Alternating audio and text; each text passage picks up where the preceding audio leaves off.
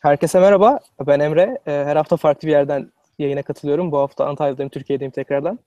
Çok kısaca kendimden bahsedeyim tekrar yeni katılan arkadaşlar için. Daha sonra Ata kendinden bahseder. En sonunda Fatih Bey ile yayına başlarız. Ee, Koç Üniversitesi Elektrik Elektronik Bölümü mezunuyum. Mezun olduktan sonra direkt San Francisco'ya taşındım. Ee, orası Uluslararası İşletme Pro- Programı'nı tamamlıyorum bu sene. Kısacası böyle daha sonra da San Francisco'da yaşamaya devam edeceğim. Ata da kendini tanıtırsa başlayabiliriz. Teşekkür ederim Emre. İsmim Ata Avlar. Ben de Sabancı Üniversitesi Endüstri Mühendisi 2. sınıf öğrencisiyim. Ee, şimdi video ile ilgili fa- aşağıda Fatih Bey'in özgeçmişi var. Ama Fatih Bey isterseniz sizin ağzınızdan da sizin kelimelerinizle dinleyelim. Ee, tabii ki. Öncelikle ben şöyle söyleyeyim. Crossing Paths, e, Kesişen Yollar adını vermiş olduğunuz bu oluşumda e, beni de davet ettiğiniz için çok sevinçliyim. Onure oldum. E, çünkü e, hem Türkiye'den olsun hem Amerika'dan olsun hem dünyanın her yerinden olsun e, arkadaşlarla böyle güzel bir platformda e, birlikte deneyimlerimizi paylaşıyor olmak, söyletide olmak, konuşuyor olmak benim için çok önemli. E, bu bağlamda yani hem onur oldum hem burada konuşacaklarından çok güzel sohbet geçeceklerinden eminim. Şimdi de kendimi tanıtayım o zaman. Ben Fatih İnci. Bilime İstanbul Üniversitesi Moleküler Biyoloji Genetik alanında başladım. İstanbul Üniversitesi'nde okurken İstanbul Üniversitesi'nin ve e, Avrupa Birliği'nin vermiş olduğu burslar vardı. Bu burslardan birine hak kazanarak Hollanda'nın Groningen Üniversitesi'nde biyoloji bölümünde lisansımın bir kısmını okumaya başladım. Burada lisansımın bir kısmını tamamladım. Sonra Türkiye'ye döndüm. Mezun oldum. Akabinde doktora yapmak istiyordum. Yani yapacağım alan benim akademikti. Kariyerim akademik olacaktı. E, bu bağlamda biraz da mühendislik bilimleri e, içine koymak istiyordum aldığım bilimsel eğitimin. E, bu bağlamda İstanbul Teknik Üniversitesi Moleküler Biyoloji Genetik ve Biyoteknoloji bölümünde doktoraya başladım. Burada lisanstan doktoraya başlayan ilk öğrenci oldum. E, doktora eğitimin sırasında e, sensör sistemleriyle ilgiliydim. Bu sensör sistemlerinin üzerinde yapay lipid zarların oluşturulması, bunlara e, zar proteinlerinin entegrasyonu artı ilaç etkileşimlerine bakıyordum. Bu bağlamda aldığım hani eğitim biraz bilimdi, üzerine mühendislik ilgili sensör bilgileri, hücre zarıydı. Hücre zarı ki yani hücreye baktığımızda bütün sadece bütünlüğünü ya da dışa etkenlerden koruması değil, hücrenin enerjisi olsun, madde alışverişi olsun, e, bunların haricinde de e, hücrenin bir yerden bir yere göçü olsun, kanser, bir sürü mekanizmanın e, gerçekleştirdiği bir e, ortam ve muazzam ve kompleks bir yapı. Bunu incelemek üzerine çalışıyordum. E, doktora sırasında tabii ki uygulama olarak ne yapılabilir diye düşündüm. İlk aklıma gelen zaten ilaç uygulamalarım vardı. Kontrollü ilaç e, salınım sistemlerinin uygulanması yönüneydi. Bu bağlamda e, Avustralya'nın University of New South Wales, e, Üniversitesi e, Teknoloji Üniversitelerinde Bioscience, kim, kimya mühendisliği, nanoteknoloji, nanosistemler alanlarında çalışma fırsatı e, bulduk doktora sırasında. Çok güzel yayınlarımız, projelerimiz de oldu. Zira e, TÜBİTAK'tan, e, e, İstanbul Teknik Üniversitesi'nden doktora sırasında da çok güzel projeler aldık. E, burada yayınlarımız da oldu. Daha sonra Türkiye'ye döndüm. Türkiye'ye döndüğümde şimdi yapmış olduğum işlem sensörler, e, yapay lipid zarlar, ilaç etkileşimleri, kontrollü ilaç salınmaydı. Başka bir aplikasyon, başka bir uygulama ne olabilir diye düşündüm. E, bunun üzerine hastalık yani daha doğrusu biraz daha tıpa kaymak istedim. Hastalık tanılarının bu sistemlerde uygulanabilirliğini düşünüyordum. E, daha sonrasında Harvard Tıp Fakültesi, Brigham Women's Hospital, Harvard MIT e, bünyesinde bulunan bir labda çalışma fırsatı buldum. Burada doktor sınıfında çalıştım. Çok güzel projeler elde ettik, yayınlar bastık burada. E, patentlerimiz de oldu. Sonrasında Türkiye'ye döndüm. Doktorama aldım. Harvard'daki bulunduğum labdan, Harvard Fakültesi'nde bulunduğum labdan çok güzel bir teklif almıştım. E, doktora sonrası çalışmalar yapmak için tekrar Amerika'ya geri döndüm. E, burada doktora sonrası çalışmalarımı yaptım. E, ilk yılını orada tamamladım. Mikro ve nano ölçekli teknolojiler kullanarak ki bunlar mikro akışkan teknolojileri, e, nanoplazmonik sensörler, onun haricinde nanoparticle e, kullanılarak yapılan e, tanı e, sistemleri, e, nanomekanik sistemler, nanomekanik sensörler, telemedicine dediğimiz e, taşınabilir cihazlarla yani cep telefonu e, entegre edilmiş sensörlerle hastalıkların tanıları üzerinde. Daha çok enfeksiyon hastalıkları üzerine çalışıyordum. HIV ve bakteriyel enfeksiyonlar. E, Harvard'da çalışmalarım son zamanlarında enfeksiyon hastalıklarıyla e, kanser arasındaki bazı ilişkilendirmeler üzerine, bunların tanıları üzerine çalışıyorum. Daha çok viral yükü üzerine çalışıyorum. Daha sonrasında e, bulunduğum labla birlikte e, Stanford Tıp Fakültesinden çok güzel bir teklif geldi ve çok da güzel yani yapmak istediğim çalışmaların e, başka bir ayağında orada gerçekleştirmek için bir imkan buldum. E, bu da Stanford Tıp Fakültesi Kanser Erken Tanı Araştırma Merkezi, Radyoloji Departmanı altında bir bölümdü. Ve burada da e, dok, e, doktora sonrası çalışmalarımın ikinci yılını tamamladım. E, şu anda e, akademik kadroya geçtim Stanford Üniversitesi'nde. E, akademik kadroda da e, akademisyen olarak aynı e, Stanford Üniversitesi Tıp Fakültesi e, Kanser Erken Tanı Merkezi Radyoloji Departmanı'nda çalışmalarımı sürdürüyorum. Çok teşekkür ederiz cevabınız için. E, açıkçası şu an Türkiye'de bir tercih dönemi içindeyiz. Yani lise son öğrencileri üniversitede bölüm seçmeye çalışıyorlar. E, genelde sizin dalınızda da en çok e, tıp mı okusam yoksa biyomühendislik mi okusam diye iki arada bir derede kalıyorlar. Siz bu ikisinin benzerliklerini, farklılıklarını açıklayabilir misiniz? Veyahut da ne gibi ortak yanları var? Açıkçası şöyle söyleyeyim yani benim zamanımda da oldu yani ailemden özellikle e, yani tıp oku, tıp oku falan diye e, şeyler de olmuştu. Önerilerde de bulunmuşlardı. Fakat hani ben kendimden örnek vererek açıklayayım ya da soruyu. E, ben araştırma üzerinde daha çok, daha doğrusu o bilimi öğrenmek üzerine gitmek istedim. E, bu bağlamda hani benim yönüm araştırma, geliştirme anlamındaydı. Hani daha fazla değil ama yapmış olduğum şu andaki işlem tıp sektöründe yani tıp alanında bir tıp, tıp e, tabii hatta e, biraz da e, ilaçlarla yani e, farmako endüstri üzerinde yapılan çalışmalarda hep rol aldım. E, yani bakılması gereken şey şu olabilir.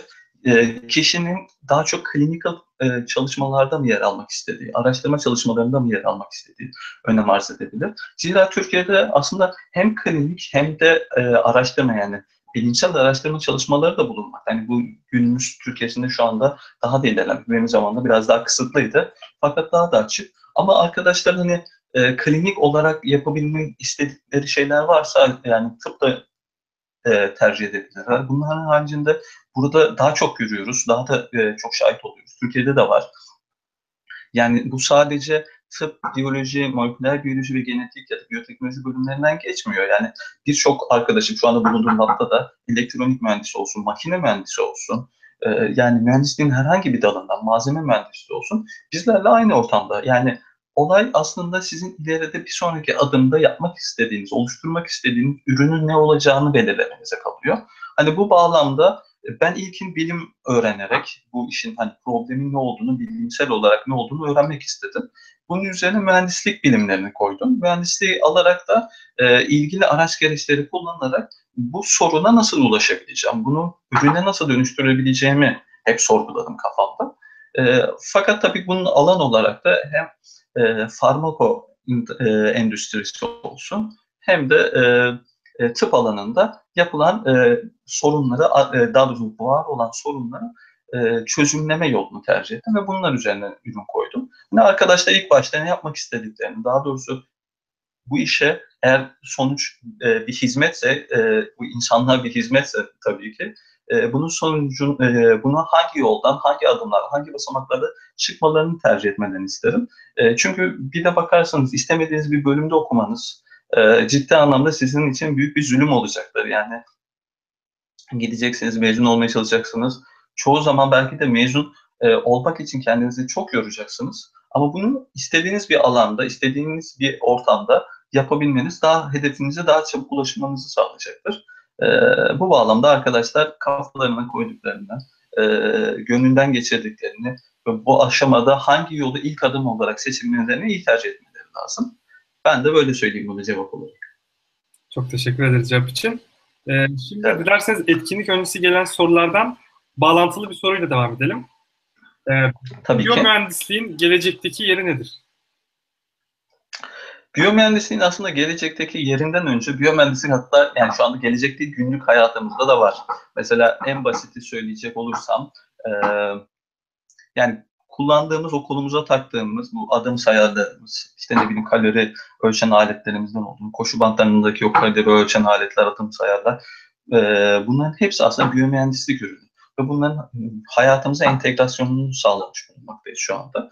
Bunların haricinde tabii ki yani e, günlük demeyeyim ama tıpta kullanılan hani tıpta da günlük bazı kullanılan robotik sistemler olsun. E, onun dışında implant teknolojileri olsun. E, yeni yeni e, yapay doku ve organların vücuda entegrasyon olsun. Bunlar önem arz ediyor aslında. E, ve gelecekte de daha da yaygınlaşacağını umuyorum. E, bunların haricinde gelecekte biyomühendislik ya da biyoteknoloji ürünü olarak giyilebilir sensörlerin günlük hayatımızda daha çok olacağını. Yani bu bir elbise olabilir, bir ceket olabilir. Üzerinde bulunan sensörlerle vücudumuzda e, ki olan biyometrik e, altyapıyı da elinde tutarak e, bizim sağlık metriklerimizi ölçüp fizyolojik olarak e, bir prosesten geçirip bunu sinyalizasyonla e, doktorumuza, bize ya da bize sağlık hizmeti veren kuruma iletiyor olması. Hatta yani günümüzde yapılan şu anda laboratuvar düzeyinde fakat günümüzde de e, yeni yeni kullanılmaya başlanacak olan e, patch dediğimiz vücuda böyle yapışkan bir bantla e, hafiften de üzerinde mikro needle'lar diye tabir ettiğimiz mikro iğneleme sistemiyle hem vücudumuzdan örnek alıp e, hastalık tanısının konmasında ya da teranostik dediğimiz e, hem hastalığın belirlenmesinde hem de ilaçların salgılanmasında birçok sistemler kullanılmakta şu anda e, araştırma laboratuvarlarında ve bunlar da günlük hayatımıza e, geleceğini e, düşünüyorum. Ayrıca Google'un da yapmış olduğu, başlatmış olduğu çalışmalar var. Bunların haricinde günümüz teknolojisi ve günümüz e, dünyasına baktığımızda e, en basiti kendi sitelerinde de e, belirttikleri, anons ettikleri gibi bazı lens sistemleriyle gözümüze taktığımız kontak lenslerinde e, göz tansiyonu ve buna benzer birçok hastalığın belirlenmesinde ve bunun da e, wireless ya da bluetooth sistemleriyle aktarmasına dayanıyor. E, bu tarz sistemler günlük yaşantımıza e, umut ediyorum ki birkaç yıl içerisinde yakın gelecekte girecek ve hali hazırda var olan şeyler de var zaten. Yani işte dışta olacağız daha çok öyle söyleyeyim. Yani teknolojinin artması, mühendislik bilimlerin artması birçok alanı etkileyecek. Buradaki gelişimler bizleri günlük yaşantılarımızı olumlu yönde e, ilerleteceğinizi düşünüyorum. Çok teşekkür ederim cevabınız için. Ee, sıradaki sorumuz, Türkiye'de İstanbul'da bir öğrenciyken Harvard, Stanford gibi üniversitelere geçişiniz nasıl oldu? Şöyle söyleyeyim, e, nasıl oldu? Aslında hmm, şöyle söyleyeyim ya da şuradan başlayayım. İlk önce en başta da söylediğim gibi hani öğrencilere tavsiyeler anlamında ne yapmak istediğinizi bilmeniz lazım. Hani benim de öyleydi. İlk Harvard'da e, ya da işte Stanford'a geçişim ki Stanford'a zaten Harvard'dan doğru geçtim. Direkt Türkiye'den değil de. E, ne yapmak istediğimi biliyordum. Yani yapmış olduğum elimdeki e, bilgi birikimini biliyordum. Karşı tarafta e, iletişime geçeceğim hocanın, laboratuvarın yapmak istediği çalışmaları biliyordum. Ve bunların nasıl örtüşebileceğini biliyordum. Hani benim için mesela geçiş böyle olmuştu. Çünkü e, yani çok da bir e, yabancılık çekmemiştim. Öncesinde de zaten yurt dışı geçmişim vardı. Hollanda olsun, Avustralya olsun. E, ama e, baktığınızda hani böyle e, tab okulları girebilmeniz için e, açıkçası her şeyi çok böyle hani ne yapmanız e, gerektiğini bilmeniz lazım. Çünkü karşı tarafa da bunu çok iyi bir şekilde, çok, çok güzel bir essay şeklinde, bir yazı şeklinde döküp karşı tarafta da böyle iletişime geçmeniz lazım. Benimki de öyle olmuştu. Ee, yani burada bir kültürel şok ya da herhangi bir şey de yaşamadım. Çünkü yani dediğim gibi öncesinde de bir deneyimim vardı. Ee, ama e, yani geçişim sırasında da bunları çok iyi biliyordum. Yani ne yapmam gerektiğini biliyordum. Ee, benim elimdeki bilgi birikimini biliyordum. Ee, karşı tarafta alabileceğim bilgi birikimi nasıl yoğrulup bir ürüne dönüşebileceğini biliyordum. Benim için ana hatlarıyla bunlardı. Teşekkür ederim cevabınız için. Ee, kendi sorum şu anki kariyer hedefiniz nedir? Şu anki kariyer hedefim nedir? Ee, şu an akademik hayata devam ediyorum. Tabii bu akademik hayatında kendi içinde basamakları var. Birinci olarak hani bu basamakları e, sağlam adımlarla, güzel işler yaparak, e, insanlığa faydalı olarak değerlendirmek istiyorum. E, tabii ki hani bu bizim için ürün anlamında bunlar e, patent olur. Bunlar e, bunların haricinde yayın olur yapmış olduğunuz ürünlerin e, ticaretleşmiş, herkes tarafından kullanılabilecek ürünler halinde insanlığa verilmesi olur. Bunlar benim için çok önem arz ediyor. E, ve kariyer anlamında da ilgili basamakları e, sağlama ve emin adımlarla ilerlemek istiyorum. Bunlar benim kariyer hedeflerim şu anda. Teşekkür ederiz. Ee, sıradaki soruyla devam edelim isterseniz. Sıradaki sorumuz özgeçmişinizde 6 adet patentinizin olduğu yazıyor. Bu meslek yeni buluşlara, icatlara açık bir meslek alanı. Patent ne gibi işinize yaradı? Şimdi patent şöyle söyleyeyim, e, olmazsa olmazlardan ürün oluşturabilmeniz için yani entelektüel bilginin korunmasını sağlıyor. Öncelikle bu. E, benim için de yani dediğim gibi başta da bilimin mühendislik bilimlerle yoğrulup bir ürüne dönüştürmesi. Bu benim hayat gayem. E, bu ürüne dönüştürebilmem için bunu da koruma altına almam gerekiyor. Bunda patent.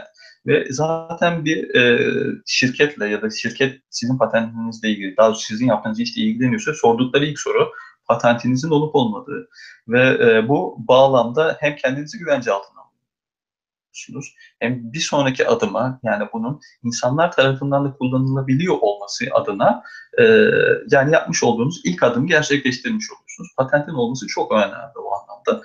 Ülkemizde aslında bakarsak e, yani Amerika'da bu zaten e, olmazsa olmazlardan. Ülkemizde de öncesinde daha azdı, sonrasında şu anda daha da artmaya başladı. E, yani bu sizin aslında bir translasyon yani e, bilimden aldığınız bilgi birikiminin insanlara ulaşması aşamasında önemli bir adım diyebilirim patent. O anlamda e, yani ben de yapmış olduğum çalışmaları, bilimsel bulgularımı patentle güvence altına alıyorum. Teşekkür ederiz. Ee, benim e, şöyle bir gözlemim oldu. Sosyal medyada Türkiye'de alınan patent sayılarının azlığına dikkat çeken hep görseller paylaşılıyor. Yani sizin bu konuda yorumunuz nedir? Neler yapılabilir daha fazla olması için? Yani şöyle söyleyeyim tabii ki e, yani hedeflerin sadece hani laboratuvarda kalmaması gerekir hani ilk etapta. Hani bunu sakın şöyle söylemiyorum. Yapılan işler yok, patentlenen işler yok diye söylemiyorum ama maalesef sayısı hani diğer ülkelere, Avrupa ve Amerika'ya baktığımızda az. Yani bu aşamada e, yani ürüne dönüşme anlamında e, bizim e, bazı gayelerimizin, çabalarımızın olması lazım. Tabii bu ürüne dönüşme anlamında da sadece orada kalmıyor. E, bunun daha sonrasında bir şirketleşme yolu var. Hani baktığımız aslında olay tamamen interdisipliner. Hani olaya bir bilimden başlıyoruz. Ürünleşmesi için tabii bir mühendisteki e, etki, materyal science dediğimiz malzeme bilimi. Onun haricinde tabii ki bu bir ürün olacaksa kontrol mühendislerinin içine girmesi, devreye girmesi gerekiyor. Ayrıca e, bunların haricinde baktığımızda bir e, business dediğimiz yani işletmeden anlayan e, ve tabii ki özelleşmesi onun anlamda patentleşme ve şirketleşme olan insanlarla da bunun yoğrulması lazım. E, bu bağlamda hem interdisipliner yükün daha fazla olduğu, hedefe yönelik, bir ürün hedefine yönelik işlerin yapılması gerekiyor. Eğer bunlar olursa yani buradaki yapılan işler de aynen bu doğrultuda ve e, bunun haricinde tamam güzel her şeyi yaptık, ürüne dönüştürme tüm basamaklarımız var ama bunun fabrikasyonunu, bunun üretimini nasıl yapacağız? Bu da önemli bizim için. E, Türkiye'nin bu alanda da e, adımlar atması gerekiyor. Yapılan bazı ürünler var, çok güzel çalışmalar var. Hatta yurt dışında e, dünyanın e, birçok yerinde yapılan sensör çalışmaları olsun, e, e, birçok yerinde e, mikro akışkan teknolojilerinde yapılan e, tıp alanında çalışmalar olsun. Onun haricinde e, nano ölçekli e, inceleme cihazları olsun. Bunların hepsi aslında yurt dışında Türkiye menşeili satışa çıkarılan ürünler var. Bunlar patentler altında e, ve ürünleşmiş konumda. Ama tabii ki bunlar yeterli değil. Hani e, bunların sayılarının artıyor olması lazım. Her üniversitenin, her e, eğitim kurumunun, her laboratuvarın böyle bir hedefin e, kendine gaye edindiği takdirde bence bunun aşılmayacak bir sorun değil. E, Türkiye'de çok büyük potansiyel var. Bu potansiyelin bu bağlamda kullanılarak çok iyi yerlere gelebileceğine inanıyorum. Teşekkür ederiz cevabınız için. Ee, sıradaki sorum e, peki sizce Türkiye'deki biyo, biyomühendislik eğitimi nasıl? Yani yurt dışına kıyasla Türkiye'de aldığınız eğitim daha mı iyiydi, daha mı kötüydü? Hangi yanları eksik, hangi yanları daha iyi? Bunu söyleyebilir misiniz? Yani şöyle söyleyeyim. Aslında teorik anlamda e, ben biyomühendislik eğitimini ya da biyoteknoloji eğitimini İstanbul Teknik Üniversitesi'nde aldım. Öncesinde şöyle anlatayım. Yani ilk yurt dışına çıkışından itibaren hani farklılıkları görmeye başladığında bir teorik bilgi almıştım İstanbul Üniversitesi'nde ve çok iyiydi yani. Çok sağlam bir teorik bilgi almıştım. Fakat o zamanın şartlarında ki bölümümüzde yeniydi ben ilk mezunlardanım. Ee, ve şeydi e, pratik bilgi yani uygulanabilir bilgi uygulanabilir aktiviteye fazla giremiyorduk. Bu şu anda ama çok iyi, daha iyi konumdalar. E, ve yurt dışına çıktığımda bir networking olayı ve insanların birbirleri interdisipliner çalışmaları beni e, çok e, cezbetmişti ve bu hani cidden muazzam bir olay. Dediğim gibi hani çok farklı alanlarda insanların bir takım içerisine gelip herkesin bir takım rolü altına girmesi çok önemli.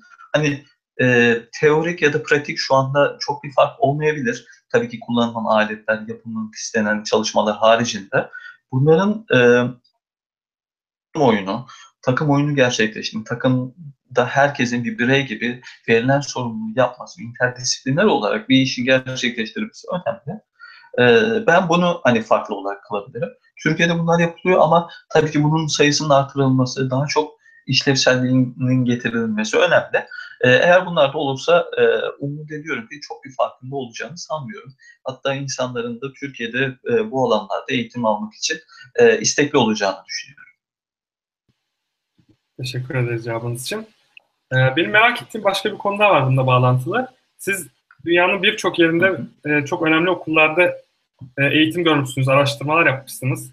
Bu evet. okulların Türkiye'deki okullarla farkını, benzerliklerini, iyi yanlarını, kötü yanlarını açıklayabilir misiniz? Yani şöyle söyleyeyim. E, yani İstanbul Üniversitesi'nden e, Hollanda, Groningen Üniversitesi'ne geçtiğim anda ciddi anlamda güzel bir e, teknik anlamda bir birikim aldım. O sırada dediğim gibi hani bu teknik koşullarda, pratik koşullarda sıkıntılar vardı bulunduğu bölümde. Şimdi yok ama e, yani teknik anlamda iyi bir beceri sağladım mesela. Ondan sonra İstanbul Teknik Üniversitesi'nde güzel bir mühendislik bilgi birikimine sahip oldum. Burada uygulamalarda da yaptım. E, ama şöyle söyleyeyim aslında, yapmak istediğim alanla ilgili çalışmalar için ben aslında yurt dışına çıktım hani o üniversitenin iyi olup olmaması değil, e, benim için aslındaki olay şeydi. E, bu alanda şu aşamaları kat ettim.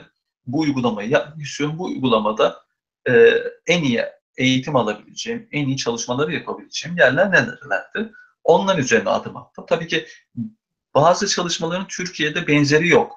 Benzeri olmadığı için karşılaştırma da yapamıyorum e, o bağlamda. Ama yani benim için aslında hedef oydu. Mesela kontrol ilaç sanım sistemlerinde yapmış olduğumuz çalışmalar çok e, e, yani çok değişik çalışmalar. Mesela akıllı e, vehicle dediğimiz yani akıllı aracı moleküllerle bunların üzerine çeşitli ilaçların bağlanması ve hücrenin hedef e, bölgesine e, hedefi güdümleyerek gönderilen bazı e, akıllı polimerik yapılardı. Mesela bu yapılar hücre içerisinde alınıp hücre içerisinde daha sonra hücrenin pH'sına değişmesine bağlı olarak içindeki ilacın salmasını sağlıyor. Hani bu tarz çalışmalar mesela o benim zamanımda çok fazla yoktu Türkiye'de. Hani karşılaştırabileceğim konuda değil. Aynı şekilde Harvard'da da mikro akışkan teknolojileri kullanarak ya da değişik sensörler kullanarak e, hastalık tanısı, özellikle HIV tanısının e, yapıldığı e, çalışmalar vardı. Yani çünkü virüsler küçüktür, e, bunun deteksiyonu, tanısının yakalanması zordur.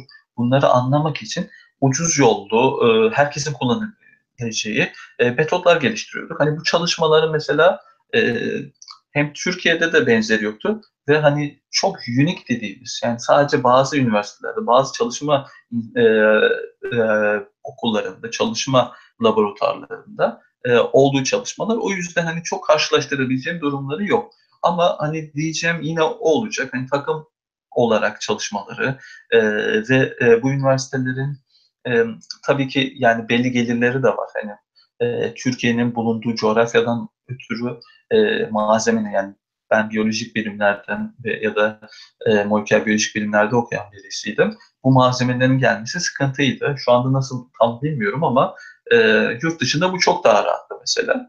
E, malzeme çünkü gel, gelmesi ve zamanında gelmesi sizin için çok önemli. Çünkü çalışmanızın e, bir sonraki aşaması yani işiniz var, elinizde pipetiniz duruyor, koyacaksınız, koyacağınız malzeme yok. Yani öyle düşünün. E, onu beklemiyorsunuz. Burada o çok daha önemli. E, pratik anlamda bazı şeyler var. E, temel taşlar var burada hani çok gelişmiş olduğu. E, fakat hani dediğim gibi üniversite bazı karşılaştıramıyorum. Çünkü alanlar tamamen farklı, çok spesifik konular olduğu için hani üniversite kıyaslaması pek yapamıyorum aslında. Aslında kastettiğim tabii ki teknolojik imkanlar da e, fakat hani daha çok üniversitelerin kültürleri size neler kattı anlamında bir karşılaştırma sormuştum. Tabii eğer öyleyse e, sorumuz şöyle diyeyim o zaman. E, tabii ki şu var. Şimdi e, çok kültürlü bir ortam oluyor. Yani mesela Amerika'yı düşündüğünüz anda her milletten insan var. Yani konuştuğunuz yanınızda ne bileyim e, Pakistanlı bir insan olabilir, yanınızda Hindistanlı bir insan olabilir. Hem onların kültürünü de öğreniyorsunuz. Bu insanlarla nasıl çalışabileceğinizi öğreniyorsunuz. Çünkü bilim aslında evrensel. Evrensel bir olgu olduğu için bilim hem siz bilimin bu evrensel olgunusunu hem bir araç olarak kullanıyorsunuz hem insanlarla iletişime geçmek için hem de e, bu teknolojik ilerlemeyi de kullanıyorsunuz. Teknolojik bazda da tabii ki yani e, yapılan çalışmaların büyük bir kısmı ilk oralarda yapılıyor. O anlamda hani siz onlara şahit oluyorsunuz. E, yani mesela Hollanda'da e, gittiğim üniversitede yapılan ilk e, SEM'de, TEM'de, bunlar ilk yapılan SEM ve TEM'ler hani bilakis canlı görebiliyorsunuz yani o zamanın e, yapılan e, buluşlarını, teknik anlamda ilerlemelerini.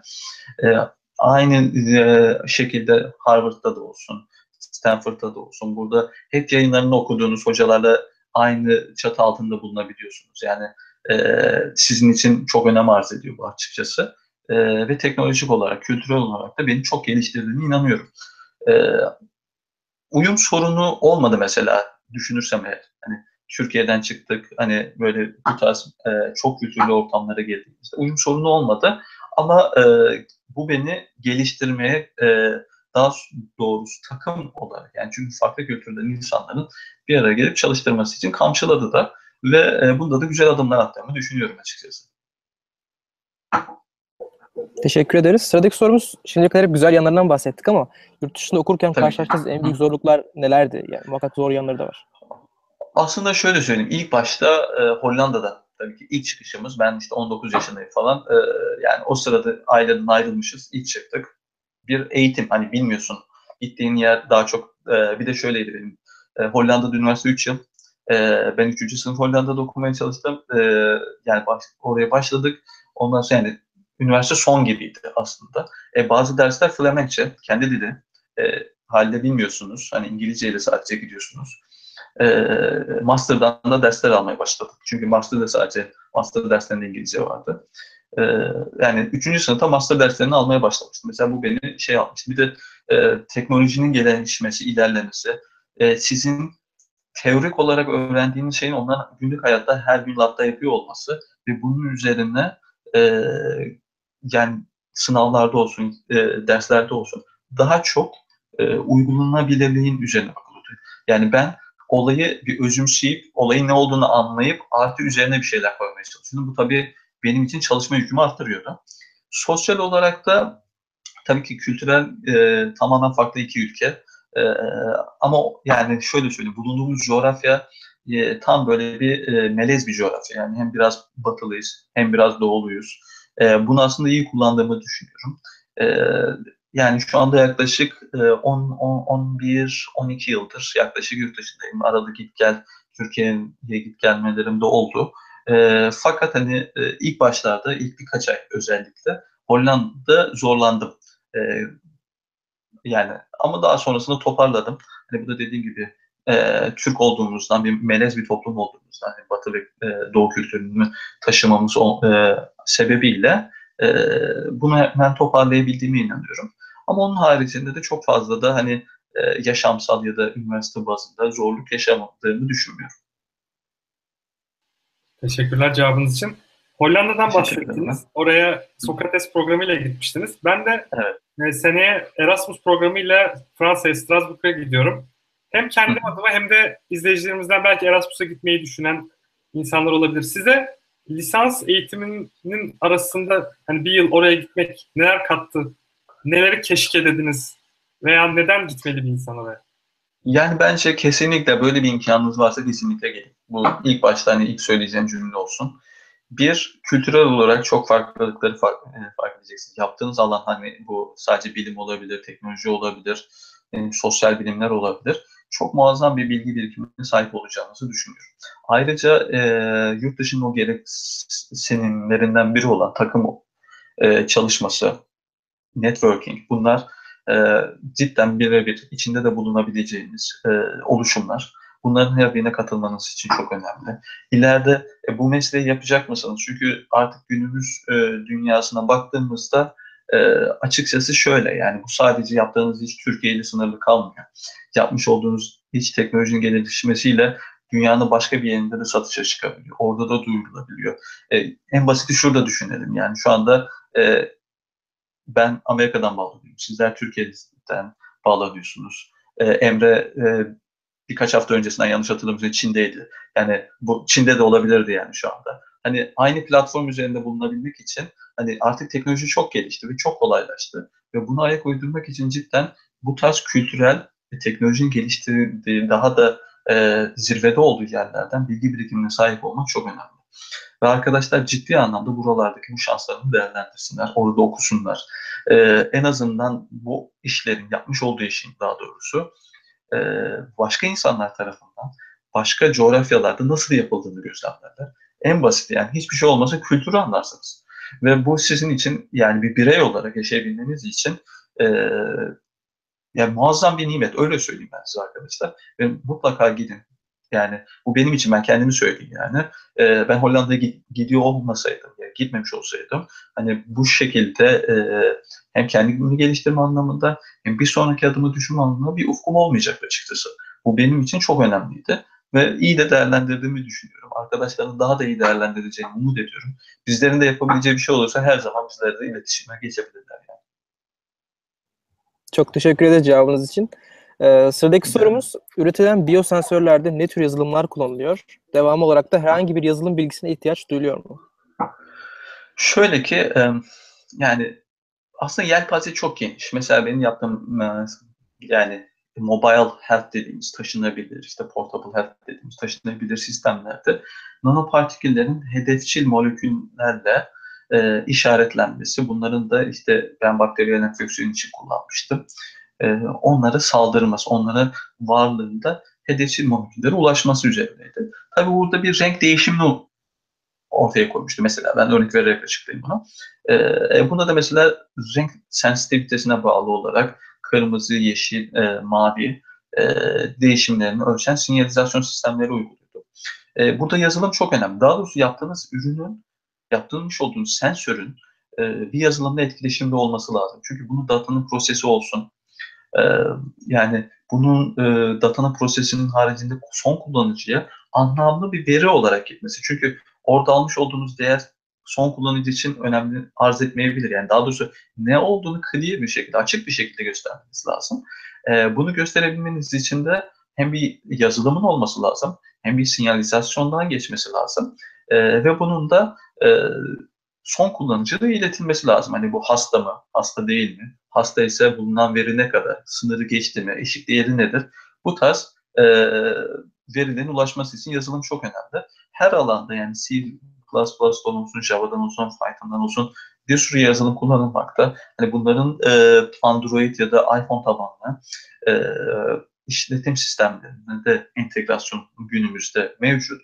Yani şu anda baktığımızda bir App Store olsun, e, aynı şekilde Google'un kendi Store olsun. Buraya baktığımızda birçok entegre hem yazılımsal hem de e, e, aletsel yani bir aleti taşıyarak Bunda yazılımsal da ölçümü ya da monitör etmenizi gözlemleyebilirsiniz. Bunlar hani günlük hayatımıza yavaş yavaş adım adım girmekte e, ve hani arkadaşlar düşünmesinler yani e, gökyüzü limit olarak görsünler e, ve hani herhangi bir şekilde herhangi bir ucundan tutarak e, bu işlere entegre olabilirler ya biyosensör alanında öyle söyleyeyim. Biyosensör alanı çok geniş çünkü örnekleyeceğiniz e, ve ortaya koyacağınız e, mekanizma insan. İnsan muazzam bir varlık. E, bu varlığın hani birçok etkeni var. Yani proteinden tutun lipidine, e, almış olduğu nefese e, bir sürü örneklenme yapılabilecek e, biyolojik sıvısı var, biyolojik maddesi var.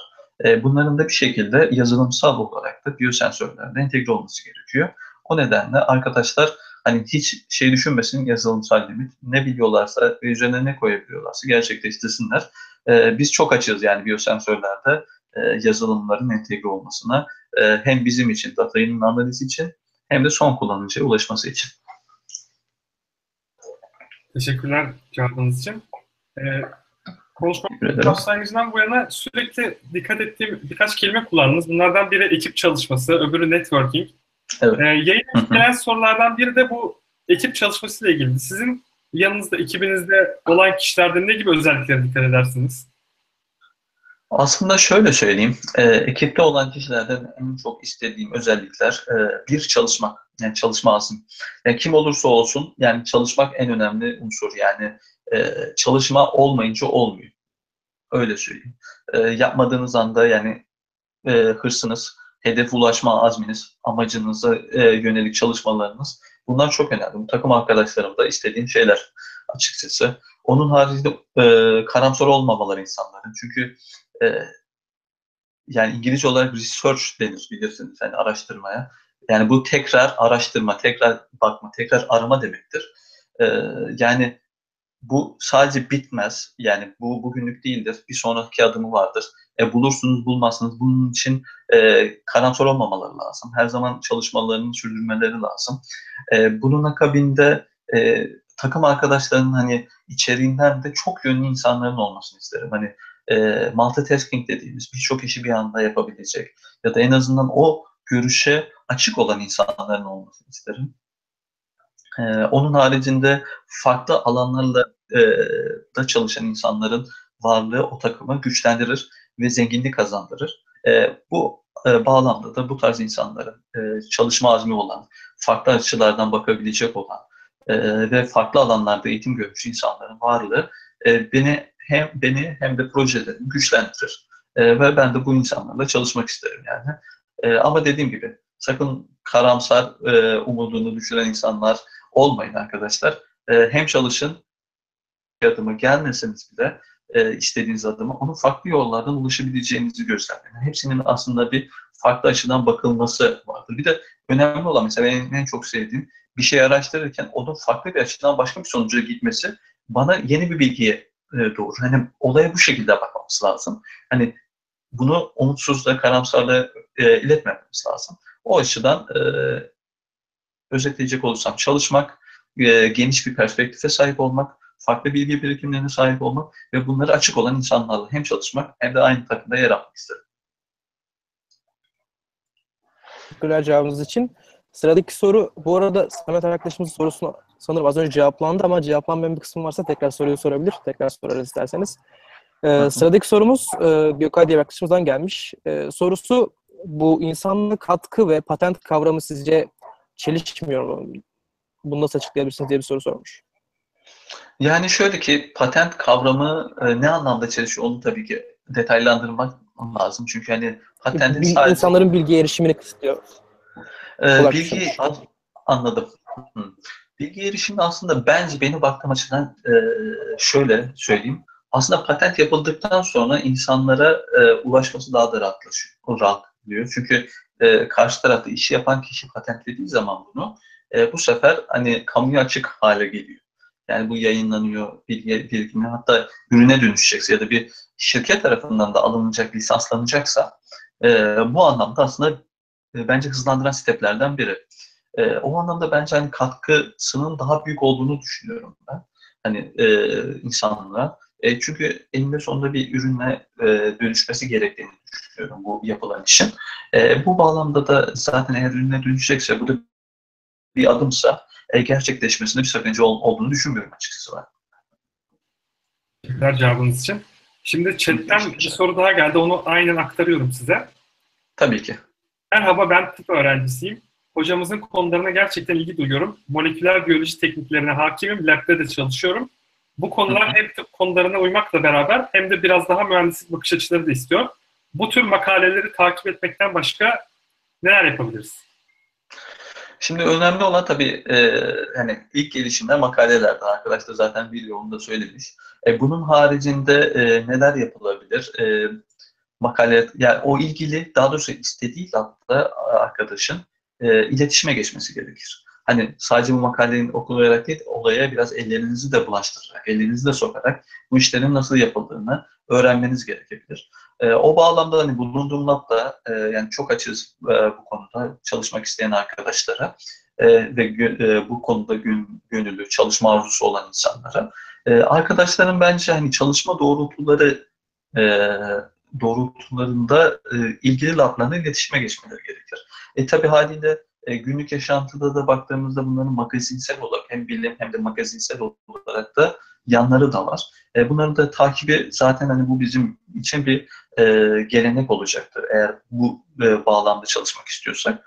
E, ama hani arkadaşların belli bir ölçekten sonra hani makaleler okumaları, yayınları takip etmeleri bu zaten olmazsa olmazlardan. Bir sonraki aşamada artık bu olaylara entegre olmaları gerekiyor eğer istiyorlarsa.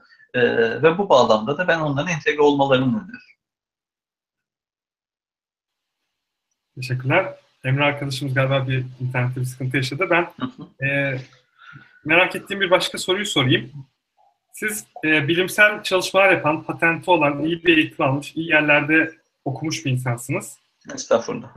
E, bu maceraya başlamadan önce hedefleriniz ne doğrultudaydı? Yani aslında sormak istediğim şu. Biz nasıl hedefler koymalıyız ki sizin gibi başarılı olabilelim? Ee, öncelikle estağfurullah diyeyim. ee, şöyle ki, e, yani şunu söyleyeyim. Daha doğrusu niye e, yapmak istediğinizi bilmeniz lazım. Öncelikli olarak bu. Ee, yani benim yapmak istediğim şuydu. Ben bir bilim eğitimi almak istiyordum ilk başta. Yani problemin kökeninin ne olduğunu öğrenmek istiyordum. Ne gibi problemler var? Bu problemlerin e, şu ana kadar yapılmış olan şeyler neler? Neler yapılabilir? Bunları öğrenmek istiyorum. Ben kendimden örnek vereyim olaya.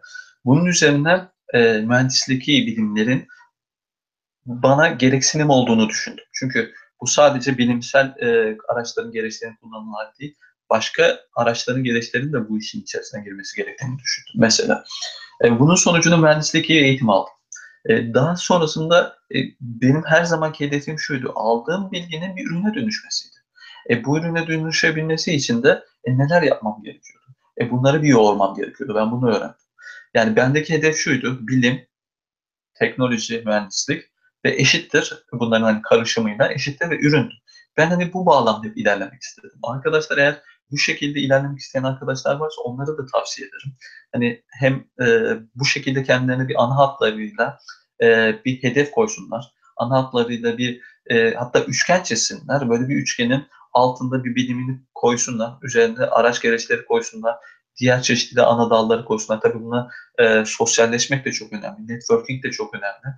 Bir ürünün ya da yapmış olduğunuz e, işlevin e, kamuya duyurulmasında ve e, insanlar arasında bilinirliğinin kazanmasında çok önemli. Bu anlamda da arkadaşlarım bu şekilde kendi hedefleri doğrultusunda en azından ben kendimi de örnek olarak bir e, taslak olarak sundum. E, böyle bir kendi kafalarında bir taslak olmazsa olmazlarını belirleyip bir hedeflerine adım adım adım adım ilerlemelerini öneriyorum. Teşekkürler. Ee, yayın öncesi bir gününüz nasıl geçiyor diye bir soru gelmiş. Ben de buna ek olarak bir şey eklemek istiyorum. Siz Tabii ki. belli ki çok yoğunsunuz. Bu yoğun tempoda nasıl hayatta kalmayı başarıyorsunuz diye soruyorum. Ek olarak. Yani şöyle söyleyeyim. Bir günüm nasıl geçiyor? Şimdi sabah kalkıyorum. Sabah erkenden kalkıyoruz. Ee, işte haliyle şöyle diyeyim. E, sabah erkenden kalkıyoruz. E-mailler başlamaya başlıyor. Hatta bir gün gecesinden. Çünkü e, farklı coğrafyalarda farklı insanlarla da çalıştığımız için günü 24 saat aslında çalışıyor oluyorsunuz. Yeri geliyor hani eve döndüğünüz akşamları, geceleri, sabahları neyse e, uygun zaman aralıklarında insanlarla toplantıya giriyorum. E, bunun bağlamında tabii ki bir lab yükümüz de var. E, labda da çeşitli çalışmalarda bulunuyoruz. Öğrencilerim var. Onlarla ilgileniyorum. Bu öğrencilerle yaptığımız çalışmalar var. Onların sonuçlarını takip etmek, onların sonuçlarının e, bir sonraki aşamasında neler olabileceği, yapılacak deneyler ya da onların kafalarında var olanlar. E, hariciyle tabii olayın bir de e, okul, eğitim yönü olduğu için o arkadaşlara nasıl yardımcı olabileceğimiz konusunda, onların istekleri doğrultusunda e, onlara yardım olma, onlara yaşamış olduğumuz e, deneyimleri nasıl aksettirebileceğimiz, onların yaşamlarını nasıl kolaylaştıracağımız konusunda e, bazı çalışmalarımız oluyor. E, günde de baktığımızda yani yaklaşık e, 12-14 saat arasında çalışma e, tempom var yaklaşık günlük ortalama. E, yani bu ortalamayı da hani e, zinde tutabilmem için e, arada yani çok devamlı olmuyor şu son zamanlarında e, maalesef ama spor yapmaya çalışıyorum. E, beslenmeme dikkat etmeye çalışıyorum. E, çünkü hani bu tempoyu e, ayak uydurabilmek için sağlıklı bir bünyemin olması gerektiğini inanıyorum. Ve hani dış dünyadan, olumsuzluklardan olabildiğince kendimi uzak tutmaya çalışıyorum. E, onun haricinde haftalık olarak da e, en az bir günü tamamen kendime ayırmaya çalışıyorum. Tamamen de olmasa tabii en azından 5-6 saat, 8 saat olsun. E, ufak çaplı seyahatler oluyor. Yani bu şehir merkezlerine, buradan San Francisco'ya, ben Palo Alto'da yaşıyorum. San Francisco'ya gidiyorum. Orada yani fotoğraf çekmek, e, bir de sanırım hani İstanbul'da yaşıyor olmaktan kaynaklı hani öncesinde İstanbul'da yaşıyordum. E, bir deniz görme hasreti her zaman var. Hani boğaz görme hasreti her zaman var. E, ve alıyorum, okuyacağım kitaplarımı, müziğim kulağımı kulaklarımı takıyorum, müziğimi dinliyorum. Fotoğraf çekiyorum e, ve ve bunları fotoğraflar üzerinde uğraşıyorum. Bunların e, filtrelemesi olsun, e, iyileştirilme çabaları, ışıkların ayarlanması olsun. E, yani bu tarz hobilerle diyeyim e, kendimi recharge ediyorum. Yani tekrar hem boşaltıyorum dış dünyadan yaptığım işlerden ve tekrar zinde bir şekilde geri dönmemi sağlıyor. Bu da çok önemli için. E, yani e, çalışmak büyük bir kısmını alıyor. Hem okulda hem sonrasında e, eve geldiğinde toplantılarla ya da okulda toplantılarla olsun. E, aynı şekilde öğrencilerle, onların projeleriyle, bizim kendi yaptığımız e, çalışmalarla olsun.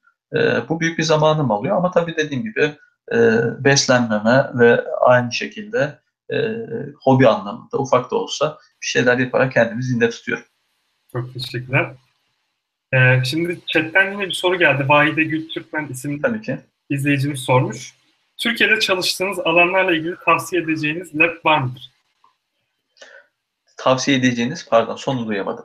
Tavsiye edeceğiniz lab var mıdır? Çalışma alanlarımla ilgili aslında şöyle söyleyeyim. Ee, İstanbul Teknik Üniversitesi'nde çalışma yaptım. Ee, Fatma Neşe Kök Hocam çalışmaları çok güzel. Orada arkadaşlar e, devam edebilir hani bu çalışmaları. Yine bu çalışmalarını da devamlı yapan arkadaşlarım var. Yine oradaki takım arkadaşlarımla devam eden arkadaşlar var.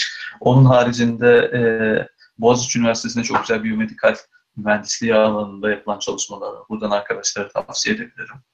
E, aynı şekilde e, neresi olabilir? Bilkent'te materyal mühendisliği, e, yani malzeme mühendisliği, bunların uygulanabilirliği e, birçok laf var. Hani tek tek saymakla bitecek gibi değil aslında.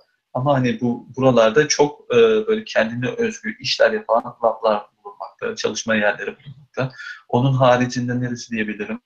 Koç'ta Sabancı'da da yine bilakis e, hücre biyolojisi olsun, genetiği olsun, e, kanser üzerine yapılan çok güzel laflar var. Tabii çalışma alanları diyor sensörler olacaksa eğer e, başta İstanbul Teknik Üniversitesi'ni önerebilirim.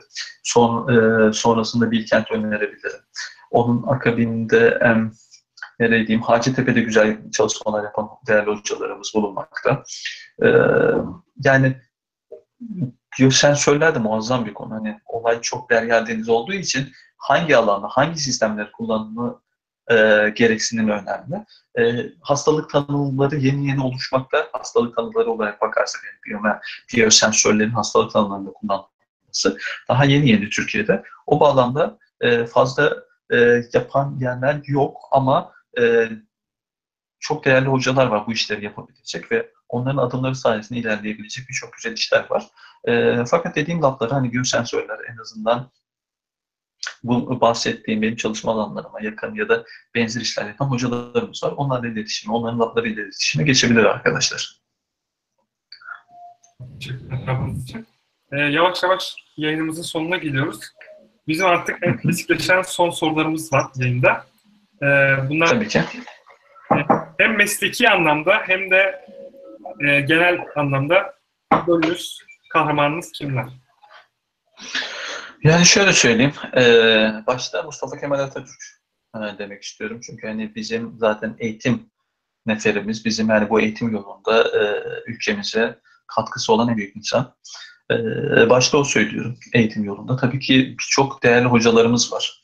Hani Türkiye'den olsun, yurt dışından olsun. E, yani onların adımlarını takip etmek, onların e, e, çizmiş olduğu yolda yürümek benim için çok önemli. E, Türkiye'den e,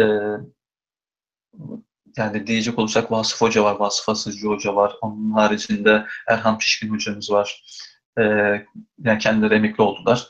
E, onların haricinde Adil Hoca var. Adil Denizli hocamız.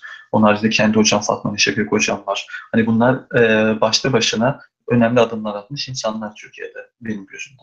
Onun haricinde yurt dışında e, Utkan Hoca var, Utkan Demirci hocamız. Onun haricinde e, Banu Onuralı hocamız var. E, Almanya'ya yeni taşındı sayılır aslında bir, bir buçuk yıl oldu. E, Metin Sitte hocamız var. E, bunların dışında e, Metin Akay hocamız var Houston'da. Hani hepsi e, büyük gelişmeler yapmış. E, e, yani hep böyle bir çığır açmış, bir kapı açmış, önümüze hedefleri koyan insanlar bunlar aslında. Onlarla birlikte çalışıyor olmak da benim için çok önemli, çok onur edici bir e, durum. E, bunların dışında e, Mehmet Toner Hoca'ya da söyleyebilirim Harvard'dan. E, Otomiş Digil Hoca'ya da söyleyebilirim yine Harvard'dan. E, yani ciddi anlamda büyük başarılar açan, hem dünya çapında bilinen, hem yaptığı işlerle de e, önem arz eden hocalarımız. E, bunlar e, hem hedef e, bize koydukları hedefler doğrultusunda hocalarla birlikte çalışmak hem beni onur ediyor hem de onları e, benim gözümde e, lider vasfını verdiğim insanlardır.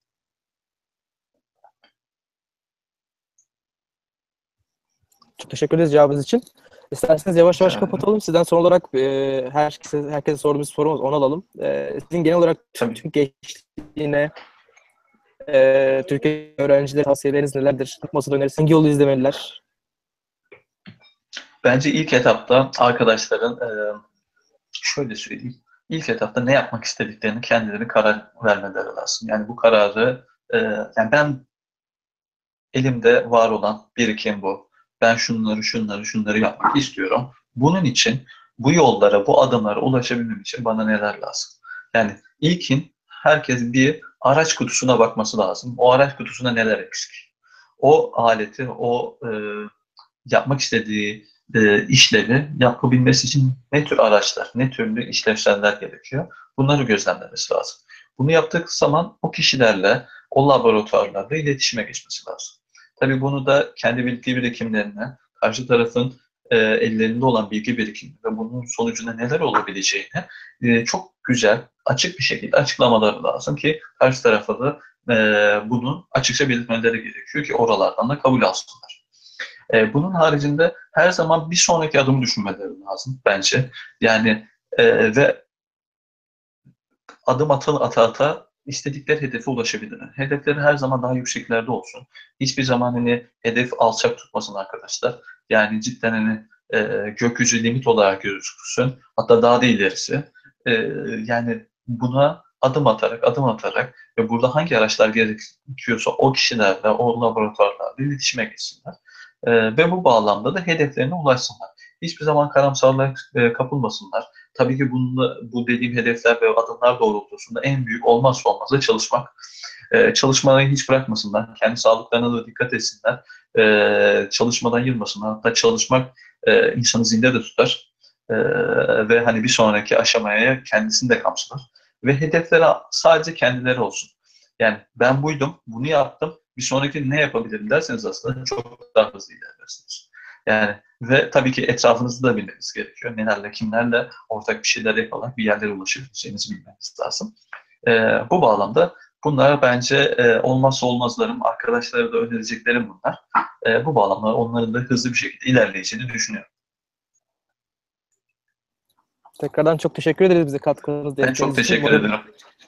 Herkese yardımcı olabilmişizdir. Ee, kısaca ben haftaya olan e, yayından bahsedeyim. E, haftaya Doktor Emre Eren Korkmaz var. Kendisi Uluslararası İlişkiler ve Kalkınma Üstüne Oxford'da çalışan bir hocamız. E, bizi takip ederseniz, paylaşırsanız, daha fazla duymamıza yardım ederseniz seviniriz. Tabii. Tekrardan çok teşekkür ederiz. Ata sen de son sözlerini alalım. Ben çok teşekkür ederim. Ben de bir iki cümle bir şey söylemek istiyorum. Biz burada her hafta bazen haftada iki alanında çok başarılı insanlarla konuşmalar gerçekleştiriyoruz. Hem biz öğreniyoruz hem de insanların bir şeyler öğrenmesine ve onlara yardımcı olmaya vesile oluyoruz. Bu yüzden çok mutluyum. Sizin gibi insanlarla da yayın yapmak çok güzel, çok keyifli bir yayın oldu. Teşekkür ederiz tekrar. Öncelikle de bahsettiğim gibi bu yapmış olduğunuz platform çok güzel, çok değerli bir platform.